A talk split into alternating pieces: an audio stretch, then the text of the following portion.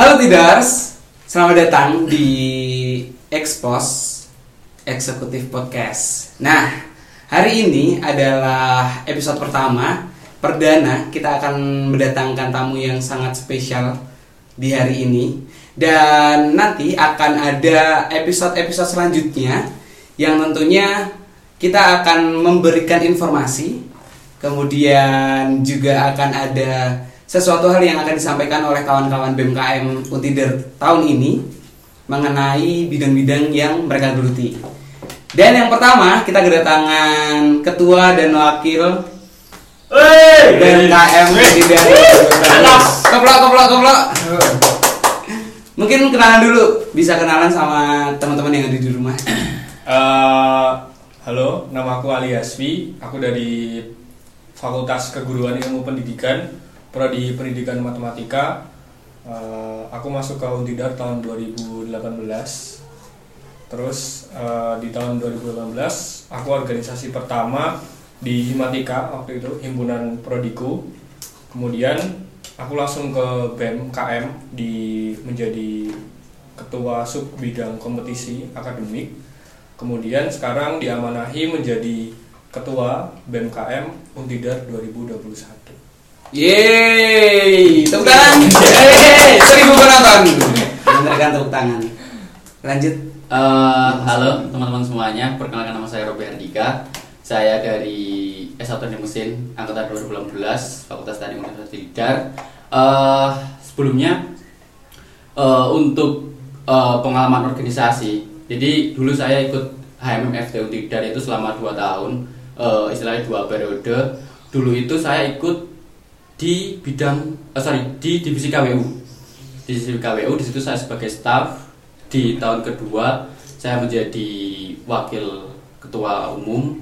Eh, untuk saat ini alhamdulillah eh, sama teman-teman semuanya itu diamanai sebagai eh, wakil ketua BEM mewakili saudara Ali Asfi seperti itu. Yeay, mantap, luar biasa. Jadi ini adalah wajah-wajah ketua dan wakil BMKM Untidar 2021, teman-teman semuanya.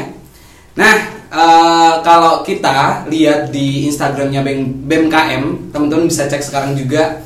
Itu ada struktur organisasinya di situ. Dan aku sendiri tertarik dengan strukturnya karena bisa dibilang beda ya, beda banget dari tahun sebelumnya dan mungkin beda da- dengan organisasi BEM yang ada di universitas lainnya. Mungkin bisa dijelasin sama teman-teman di rumah, kenapa kalian bisa menentukan struktur organisasi BEM tahun ini seperti itu dan di dalamnya itu terdapat apa aja?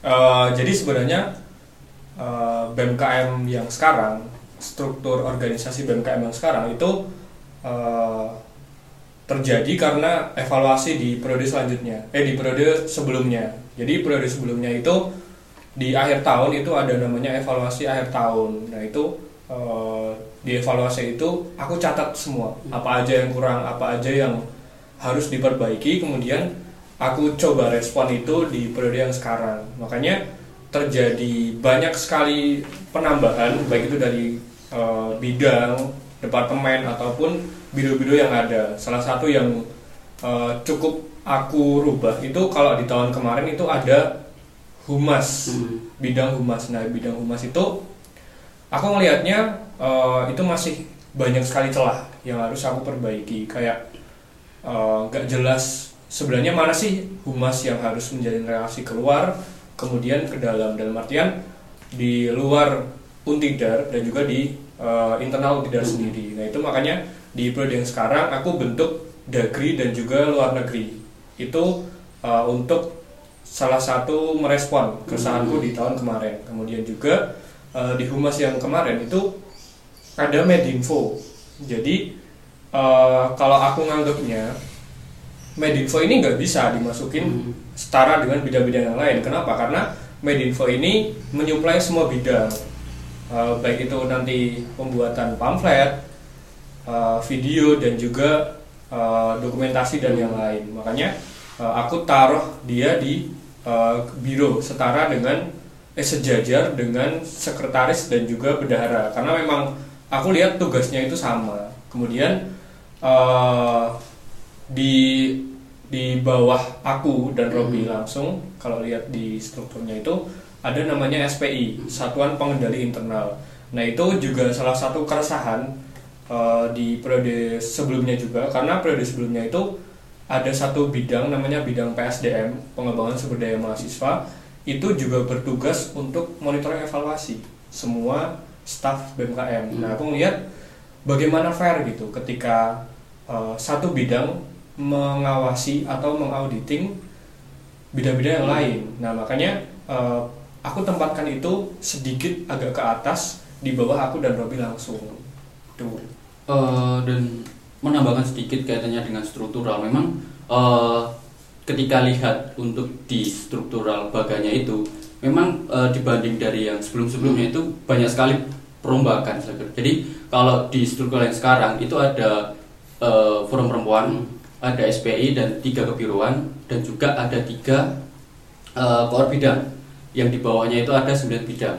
Jadi memang eh, itu semua berangkat dari keresahan atau kekurangan dari evaluasi yang eh, timbul eh, dari periode-periode sebelumnya dan harapannya eh, ini semua itu sudah tepat di eh, periode 2021. Jadi eh, setelah struktur yang sudah ditentukan sudah dirumuskan sejak awal itu harapannya ke periode ini dapat berjalan sesuai dengan harapan yang ada. Jadi kalau di bidang itu sendiri kan ada tiga core bidang. Jadi ada core bidang sospol, core bidang kemahasiswaan, core bidang jaringan relasi. Nah di bawahnya itu ada masing-masing tiga sub bidang. Misal kalau di sospol itu ada akpro, eh, adkesma, dan kastrat. Ya masing-masing itu juga ada tupoksinya masing-masing. Jadi harapannya eh, benar-benar eh, tupoksinya itu mengerucut dan mendetail dan tidak ada tumpang tindih eh, tupoksi di antar bidang karena seperti itu sehingga eh, teman-teman bidang teman-teman pengurus yang ada di BEM itu bisa eh, berkontribusi secara maksimal dengan tupoksi yang ada. Jangan sampai eh, malah tupoksinya itu tumpang tindih dan terjadi miskom di situ kita eh, mencoba untuk meminimalisir segala hal yang itu bersifat destruktif misal kayak miskom dan kurangnya ko- koordinatif seperti itu.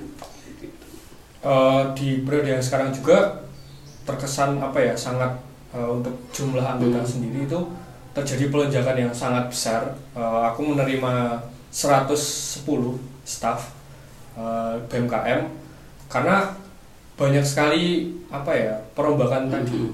Jadi 9 subbidang, tiga kebiruan, satu tim gitu, satu tim SPI itu eh, jumlahnya 111. Aku kira ini eh, sangat besar sekali untuk level leader, tapi aku percaya itu semua Hmm. sudah porsi yang cukup gitu loh. Kalau ngomongin jumlah anggota dari BEM tahun ini kan Hmm. sampai menjangkau 100 orang lebih 110 gitu kan. Dari mulai uh, Ali dan Robi menjabat dan melaksanakan segala kegiatan organisasi itu kendala apa yang didapatkan dari jumlah kan jumlahnya kan banyak kan. Tentunya untuk mengkoordinasikannya juga akan lebih sulit atau mungkin dari hal-hal lainnya ada kesulitan atau mungkin ada hal-hal yang wah ternyata dengan banyaknya anggota ini ternyata gini ya. Kayak gitu. Dari yang udah jalan nih beberapa bulan. Salah satu hal yang cukup mendasar buat aku dan Robi itu adalah eh, bagaimana sih cara merekatkan semuanya gitu. Eh, karena kita masih di Untidar, saya kira belum sebesar kampus-kampus yang lain dengan 100 anggota itu cukup menjadi PR gitu untuk gimana sih caranya biar semuanya itu eh, merasa saling memiliki, merasa eh, dekat dengan satu dan yang lain.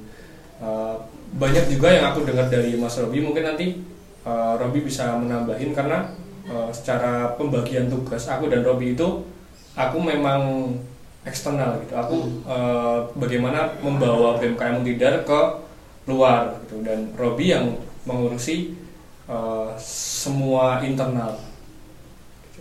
Eh kalau aku melihat itu bukan menjadi suatu masalah, cuman lebih ke tantangan. Bahwasannya memang eh, dari apa ya masa sebanyak ini di pengurusan itu lebih ke bukan pada kapasitasnya, cuma lebih ke eh, yang terjadi di situ. Yang mendasar adalah sering terjadi kultur shock. Bahwasannya dari teman-teman di setiap fakultas bahkan itu di prodi itu ketika berada di kepengurusan BMKM aku banyak menemui itu eh, sulit untuk beradaptasi dengan adaptasi dengan kondisi yang baru kondisi yang ada di BMKM atau di tingkat universitas seperti itu. Jadi memang itu yang paling mendasar. Dan ketika kita melihat secara kuantitas kuantitas di kepengurusan tembus sampai ke angka 100 orang 111 orang itu memang untuk eh, hal se- sepele untuk rapat kita cukup eh, kebingungan bahwasannya eh, tempat mana sih yang paling untuk eh, paling tepat paling cocok untuk penggunaan rapat. Alhamdulillah kita udah punya gedung baru. Hmm. gedung dokter Suparsono. Suparsono. Dokter Suparsono. Suparsono. kita bisa memanfaatkan itu. Misal kayak kemarin kita raker rapat kerja itu kita pakai di situ dan alhamdulillah secara kuantitas itu mumpuni. Cuman ketika nanti untuk rapat-rapat selanjutnya itu mungkin eh, lebih ke ya kita memanfaatkan tempat yang sekiranya itu mumpuni. Mungkin lebih ke hal-hal sepele yang untuk eh, ketika berbicara kuantitas. Cuman yang lebih mendasar terkait dengan tantangan atau sesuatu yang itu cukup apa ya cukup ya memberikan suatu tantangan seperti itu itu di kultur shocknya itu. Jadi teman-teman eh, pengurus ya karena memang di sini kita sama-sama baru di kepengurusan saya pikir memang itu eh, hal yang lumrah. Cuman bukan berarti itu eh, hal yang disepelekan karena ketika itu didiamkan itu malah bakal merembet ke hal-hal yang lain. Menjadikan itu suatu efek domino yang eh, nantinya ketika itu bukan menjadi eh, hal yang diperhatikan ditakutkan itu menjadi suatu hal yang destruktif. Nanti eh, malah terjadi pengelompok-kelompokan di dalam Hmm. kepengurusan nanti bentuk segala itulah yang menjadi eh, hal-hal yang menjadi apa namanya poin penting ketika terjadi hal seperti itu seperti itu Tapi aku eh, sebenarnya agak kaget juga sih. Kenapa kok masih ada sebanyak itu gitu loh yang minat ke BMKM apalagi sebenarnya aku di awal-awal itu agak takut dengan beberapa program pemerintah. Salah satunya eh, KMP ya. Kampus Mengajar. Nah, Kampus itu Merdeka. itu kan ah, Kampus Merdeka. Nah, itu kan juga ada insentifnya kan 700 ribu daripada ikut organisasi mending sebenarnya ikut itu kan tapi kok aku melihat loh kok ini masih banyak gitu loh. nah ini saya kira ternyata teman-teman Untidar itu nggak melulu terkait dengan profit itu sih hal positif yang bisa aku tangkap Berarti itu itu adalah salah satu bukti bahwa kaderisasi di Universitas Tidar itu tuh berjalan dengan baik. Iya. yes Iya, Mungkin. iya, mungkin. Eh, dan juga menambahkan sedikit jadi pe- tercapainya angka 111 itu itu kita ada beberapa jalur. Itu kita jalur benar-benar oprek open recruitment secara terbuka untuk teman-teman mahasiswa dan juga jalur delegasi. Jadi secara legal atau secara resmi itu kita meminta delegasi ke UKM jadi teman-teman UKM itu kita mintai undangan untuk eh, ikut menjadi kepengurusan di BMKM 2021 seperti itu. Jadi enggak enggak yuk, semuanya oprek, cuman eh, di satu sisi kita menerapkan sistem delegasi seperti itu. Ya, tentunya biar merata ya, Ya. semua bagian, semua elemen yang ada di Universitas Tidar dapat bertanggung jawab dan bisa berperan untuk BMKM Untidar 2021. Terus nih ya, kita kalau ngomongin BMKM kan tadi kita udah ngobrolin struktur, terus kita Ya. udah kenalan sama ketua wakilnya. Eh, ada satu pertanyaan yang sangat menarik dan mungkin juga kawan-kawan atau teman-teman yang ada di rumah juga bertanya ini. BMKM Untidar 2021 ini tuh mau dibawa ke mana sih? Arahnya mau diapain? Terus mau digimanakan sama Ali dan Robi? Eh, kita yang pertama berpedoman kepada Tridharma perguruan tinggi ya jelas yaitu eh, apa pendidikan Pendidikan, pengabdian. Iya, pendidikan, pengabdian, penelitian. Penelitian. Nah, penelitian dan pendidikan itu mereka bisa dapat, kita bisa dapat di kelas gitu. Nah, makanya di organisasi aku akan lebih mengedepankan atau mengutamakan program-program atau kegiatan yang arahnya ke hal pengabdian, baik itu ke mahasiswa ataupun ke masyarakat. Uh, Oke lah kita demo, demo itu kan wujud pengabdian kita kepada masyarakat gitu. Kemudian uh, kita merespon isu apa pun itu, itu pasti bentuk pelayanan kita terhadap mahasiswa gitu. Karena apa pun yang kita lakukan sebenarnya tugas kita BMKM di Untidar apalagi itu adalah untuk melayani mahasiswa dan juga masyarakat yang ada di Magelang. Makanya untuk periode yang sekarang aku akan memprioritaskan isu-isu atau mengangkat isu-isu yang uh, kalau itu nggak datang dari mahasiswa itu pasti datang dari uh, lokal kota Magelang sendiri. Ya, uh, ketika kita melihat uh, organisasi mahasiswa itu merupakan organisasi sosial. Bahwasanya di sini kita bekerja. Kita capek bekerja cuma kita di sini nggak digaji gitu loh. Jadi memang uh, arah kita itu terlihat di uh, visi kita. Jadi menjadikan BMKM yang strategis profesional dan solutif bahwasannya memang kita menempatkan atau membuat BMKM itu uh, strategis mungkin bahwasannya kita ketika bergerak keluar itu berada di posisi yang strategis. Dan ketika berada di lingkup internal universitas itu juga berada di strategis beriringan dengan teman-teman yang ada di Urmawa di fakultas maupun di prodi dan jurusan seperti itu. Dan juga e, BMKM sendiri itu merupakan e, menurut kami itu merupakan suatu tugas profesional ketika teman-teman berada di kepengurusan BMKM. E, di situ kita benar-benar menjadi pengurus yang e, berkaitan dengan teman-teman mahasiswa universitas secara langsung loh dan juga uh, karena memang uh, kita di sini sosial ya mau nggak mau kita harus uh, bergerak secara langsung bergerak secara apa ya secara terarah kaitannya dengan sosial masyarakat seperti itu. Oke, okay. ada lagi yang mau ditambahkan mungkin? Uh, belum ada belum sih. ada. Nanti Berarti based on Tridharma perguruan tinggi yang duanya kita udah dapat di kelas ya kita bisa Yes. bisa bilang seperti itu dan bentuk pengabdian secara nyata Mm-mm. terhadap mahasiswa dan masyarakat tentunya seperti itu kawan-kawan semuanya. Kemudian juga ini pertanyaan yang sangat eh, menarik juga. Lebih personal sih kalau ini. Yang Aduh. personal. Aduh. Personal dong. Personal dong. Ngomongin Ali dan Robi sekarang sudah menjadi wakil dan ketua, ketua dan wakil gitu ya. Bagaimana awalnya kalian bisa tercetuskan di otak kalian gitu ya? Kalian berpikir untuk I'm ready untuk memimpin BMKM tahun ini gitu. I'm Kenapa? Kenapa kalian mau? Dan Uh, kenapa kalian bertemu gitu kan? Iya, jadi sebenarnya eh, ini fun fact ya. Aku sama Robi itu kita satu alma mater yang sama di SMP, SMP Negeri 2 Mata Yudan. Eh, ah, tapi aku waktu itu nggak kenal sama dia. Aku sama sekali nggak kenal. Bahkan sampai sekarang pun sebenarnya kita nggak terlalu dekat secara personal gitu. Karena eh, circleku dan Robi itu sangat-sangat jauh beda. Gitu. Kayak aku dari keguruan, Mas Robi dari teknik.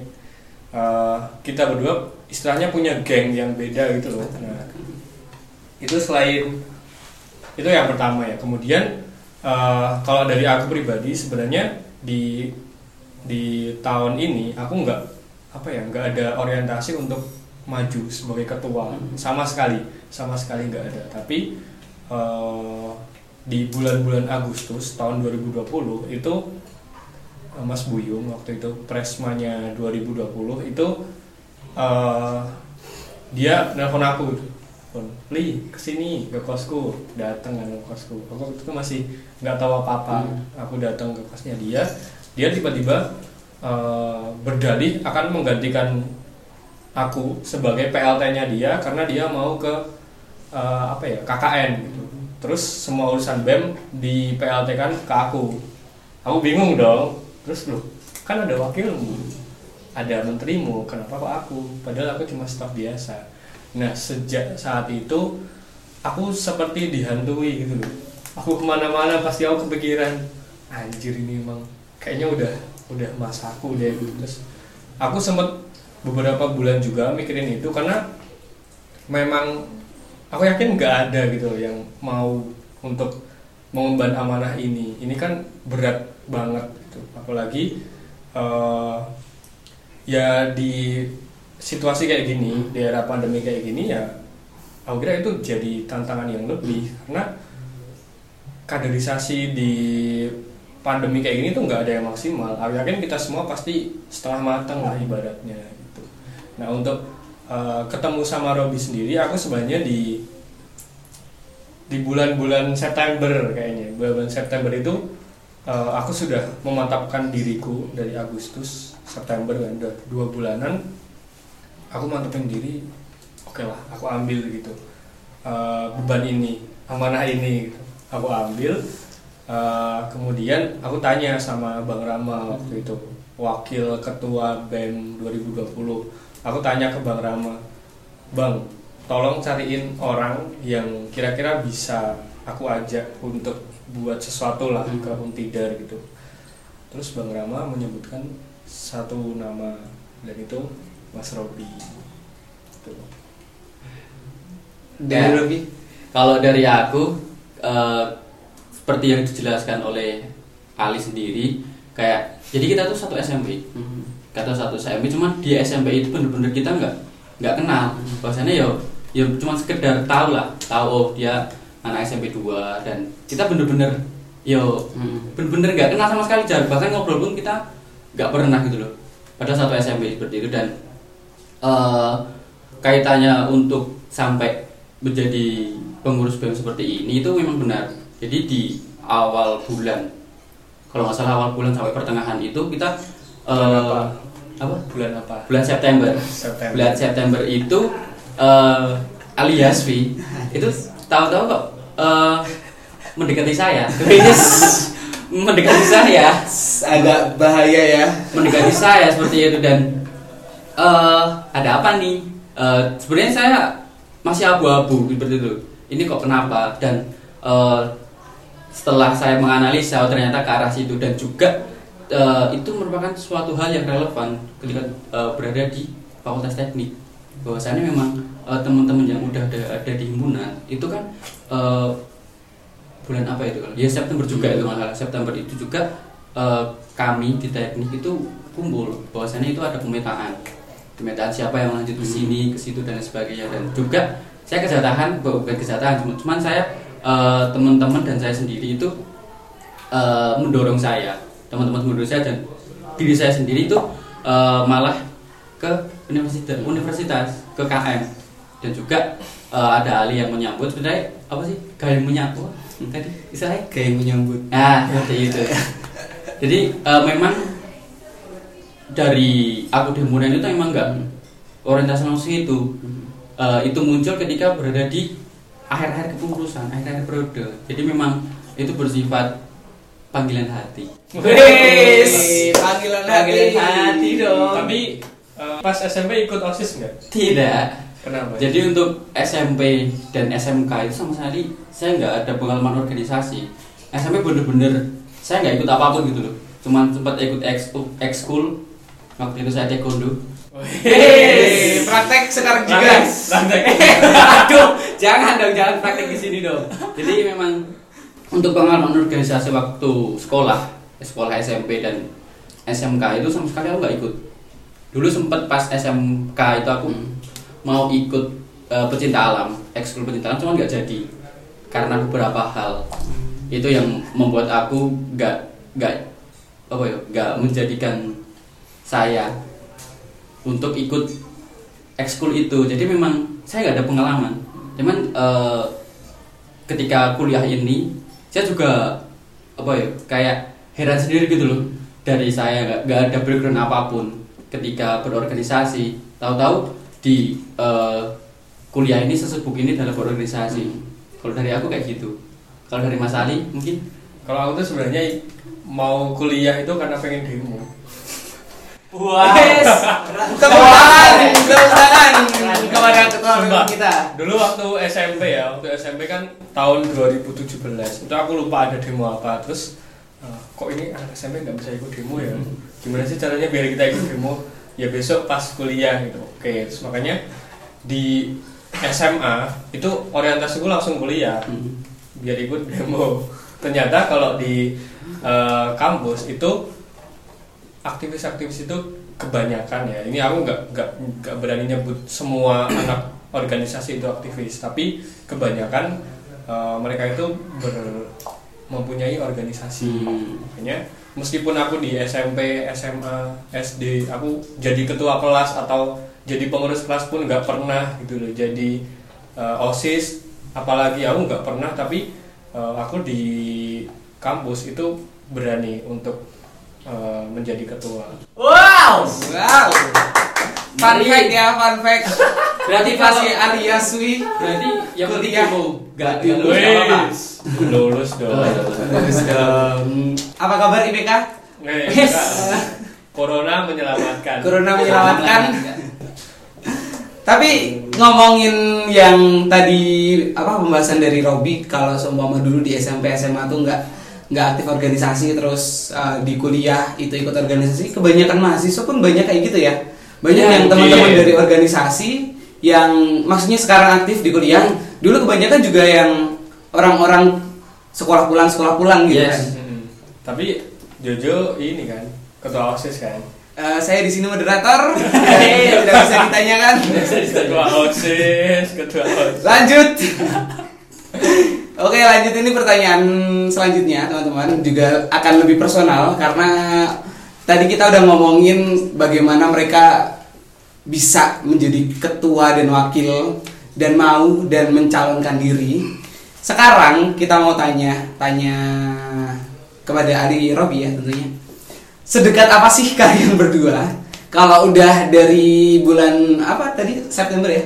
September. September. Berarti kan udah kalian udah cicat ya, udah ngomongin terus udah merumuskan BMKM tahun ini mau dibawa ke mana, terus kalian membawa visi misi sampai pemilihan dan kalian terpilih menjadi ketua. Sedekat apa sih Ali Robi?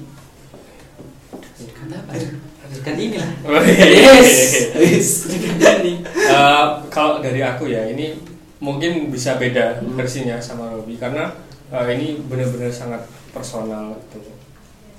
Eh, aku tuh orang yang nggak punya banyak temen sebenarnya dari dulu Eh, karena Menyebalkan. Wes, bukan Menyebalkan. bagi aku temen untuk aku bisa anggap temen itu eh, dia sudah apa ya berpengaruh dalam hidupku kayak aku butuh ini aku minta tolong atau apa itu itu baru temanku gitu. Tapi kalau cuma sekedar dia tahu namaku dia save kontak WA aku ya itu bukan teman bagi aku gitu. untuk eh, aku sama Robi sendiri kami memang kalau dari aku ya aku ngerasa aku sama Robi itu secara personal nggak deket gitu secara personal. Karena memang eh, aku membedakan hubunganku sama seluruh stafku atau seluruh keluargaku di BMKM tahun ini itu dua ada personal dan profesional. Aku bedain itu. Oke lah mungkin secara personal aku sama Robby nggak terlalu dekat tapi secara profesional ya kita sepakat gitu loh. Untuk maju untuk berbuat sesuatu untuk BMKM ini. Dan seperti yang tadi di awal aku bilang memang aku sama Robby ini datang dari dua geng yang beda Dua istilahnya. geng. Gangster kita. Gangster ya. gangster aku dari geng guru-guru ya, calon-calon guru Cagur. yang mana ya itu memang rapi eh, sangat bersih sekali enggak kalau tidak ya mencerminkan ya. Nah, ini tidak mencerminkan. soalnya ini pandemi jadi aku gondrong Oh, gitu. jadi aku gondrong takut dosen, corona. Bu dosen. takut corona bro kalau potong Takut corona. aku kan kayak contohnya misal motorku rusak. Aku nggak tahu harus digimanain gitu loh. Eh, bensinnya habis. Itu kadang aku eh, ngecek-ngecek gitu aja males. Karena kenapa?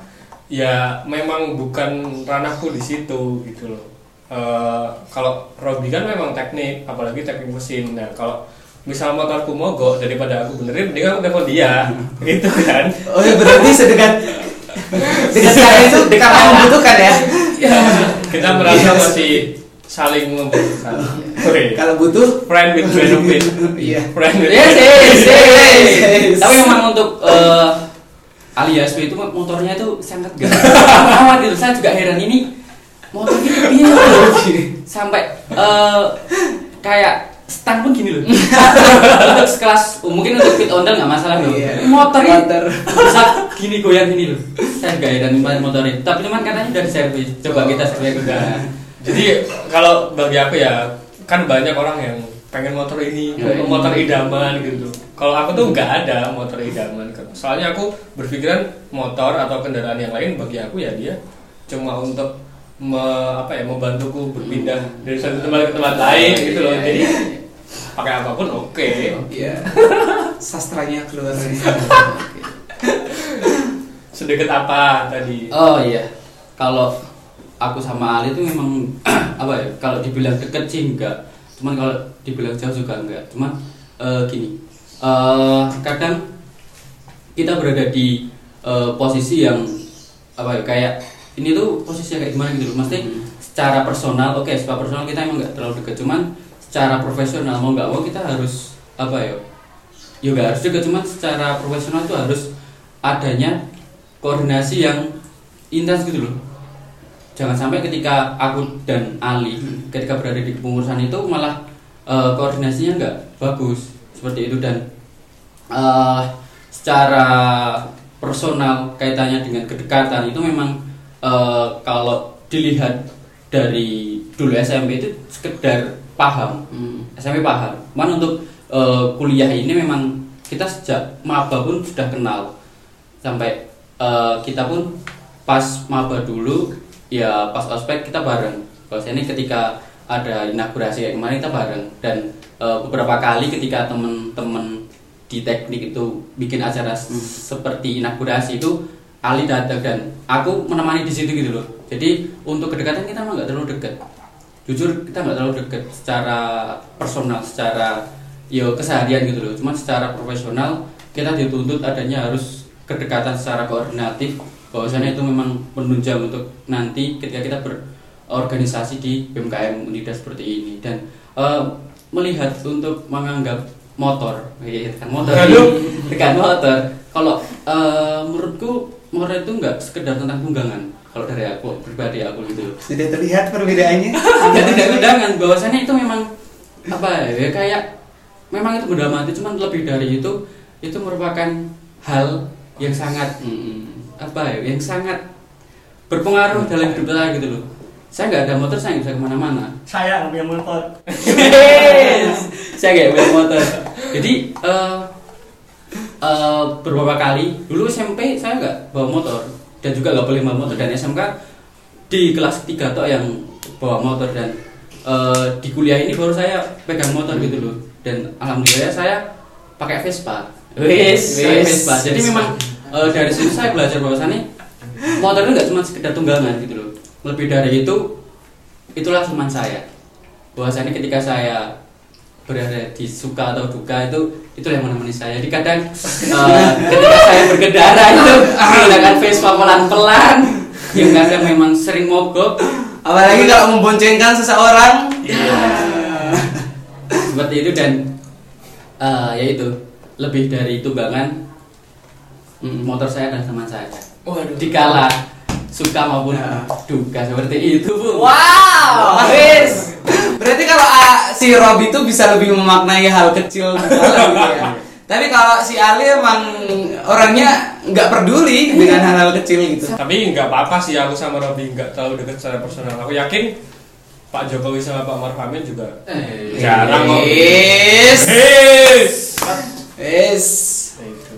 Tapi kan motor. Eh, Nah, itu salah satu Motor. Eh, ya kadang aku sama Rob itu memandang sesuatu memang beda. Tapi kan kita setuju bahwa motor itu penting Hmm. untuk kehidupan kita. Cuman memaknainya aja yang beda. Iya. Ini bahas motor apa bahas gas? Jadi bisa terlihat ketika mereka berdiskusi ya teman-teman semuanya, bagaimana bagaimana dua kepala dari dua latar belakang yang berbeda. Kalau Ali ngomongnya dua geng yang berbeda menjadi satu ya. Seperti itu kalau satunya bilang eh naik Vespa bisa menikmati dia eh, motor itu adalah peneman saya, Yes. peneman hidup saya. Yang satu ya saya tidak peduli, yang penting saya punya motor gitu ya. Mau motornya ogle-ogle, ya ogle. Yang penting sok aku, ora masalah. orang masalah Ora masalah. Oke teman-teman semuanya, jadi kita tadi udah ngalor ngidul bahas dari BEM terus bagaimana mereka bisa menjadi ketua wakil, struktur organisasi, terus BEM mau dibawa ke mana sampai bahasin motor. Dan nggak kerasa ini udah di penghujung acara, penghujung acara Cela. Penghujung acara. Ya, ya. Tapi eh, aku mau nanya buat Ali sama Robi, harapan kalian, harapan kalian untuk BMKM Untidar 2021 tahun ini itu seperti apa? Eh, kalau dari aku nggak terlalu muluk-muluk gitu loh. Yang penting eh, 111 di awal, tetap 111 di akhir. Eh, karena kita salah satu visi, eh salah satu misi kita itu membentuk organisasi, eh organisasi, belepotan bro bro. Jodogi. Salah satu misiku itu eh, membentuk internal BMKM Tidar yang berasaskan kekeluargaan. Jadi aku harap hubunganku dan teman-teman di BMKM itu enggak cuma satu periode aja, tapi eh, bisa berlanjut untuk ke depannya dan juga semoga bisa bermanfaat untuk kesuksesan kita nantinya Hmm. setelah kita lulus. Eh, kalau dari aku pribadi harapan untuk eh, BMKM kaitannya dengan pengurus atau apa pun itu yang ada di BMKM harapannya eh, kita semua selalu berbuat baik dan bermanfaat jadi eh, dari situ kita bisa melakukan hal apa pun. Jadi eh, terlepas dari dua hal itu eh, nantinya aku harap juga teman-teman mendapatkan hal baik apa pun itu juga kaitannya di kepengurusan BMKM ini. Jadi memang nggak yuk eh, dia nggak dapat apa-apa. Cuman eh, setelah periode ini nanti teman-teman bisa mendapatkan hal yang itu baik dan bermanfaat untuk eh, pribadinya sendiri dan untuk orang lain seperti itu Luar biasa sekali. Tepuk tangan untuk seribu penonton suara Ali Robi. Tapi ngomongin eh, apa jumlah anggota Ali Robi udah kenal belum sama 111? Kalau aku sudah. kenal kenal Jodoh. Cuman ya kamu kenal atau enggak belum Kenal dong. yes Kan dia yang- Ya kan aku takkan kalian berdua kan kalian harus kenal kan satu sama lain gitu. Iya, ya mungkin kalau untuk nama aku masih Iya kan baru beberapa hari ya terbentuk jadi belum terlalu ingat sampai ke nama panjangnya. Mungkin baru nama panggilan tapi aku udah tahu Iya. ini tuh orangnya gimana gimana gimana. Wah, mantap. Udah di Anjing. saya ternyata udah di kode-kode sama yang belakang karena ruangan ini sangat panas teman-teman semuanya. Podcast hot. Podcast Podcast. podcast spot on fire ya. On fire. on fire dan ternyata juga nggak kerasa kita tadi udah ngobrol udah mengucur keringat ini si Robi terutama. Kalau kalian Saya sangat nanti nanti dikasih apa namanya fokus ya buat si Robi. Terima kasih. Tapi ini kok aku sama Nabi bajunya sama ya? pelan dong anjir anjir. Oke, oke terima kasih teman-teman semuanya. Kalian yang udah mau nonton dari awal sampai akhir. Dan ini podcast perdana. Tepuk tangan dong. Perdana sayang. Dan tentunya tungguin episode-episode selanjutnya. Kita akan kedatangan narasumber yang tak kalah luar biasa. Tak kalah absurdnya. Ya. Jadi terima kasih. Jangan lupa kalian selalu untuk ngasih like komen dan tentunya subscribe. Terus jangan lupa hidupin loncengnya karena kita akan selalu rutin nih di YouTube BMKM Muntidar dan terima kasih udah nontonin tadi eh, perbincangan kita pada hari ini. See you next time dan salam alibi. Salam Ya, alibi. Salam alibi. Untuk mentidar yang lebih baik. Wes bye bye Yeay.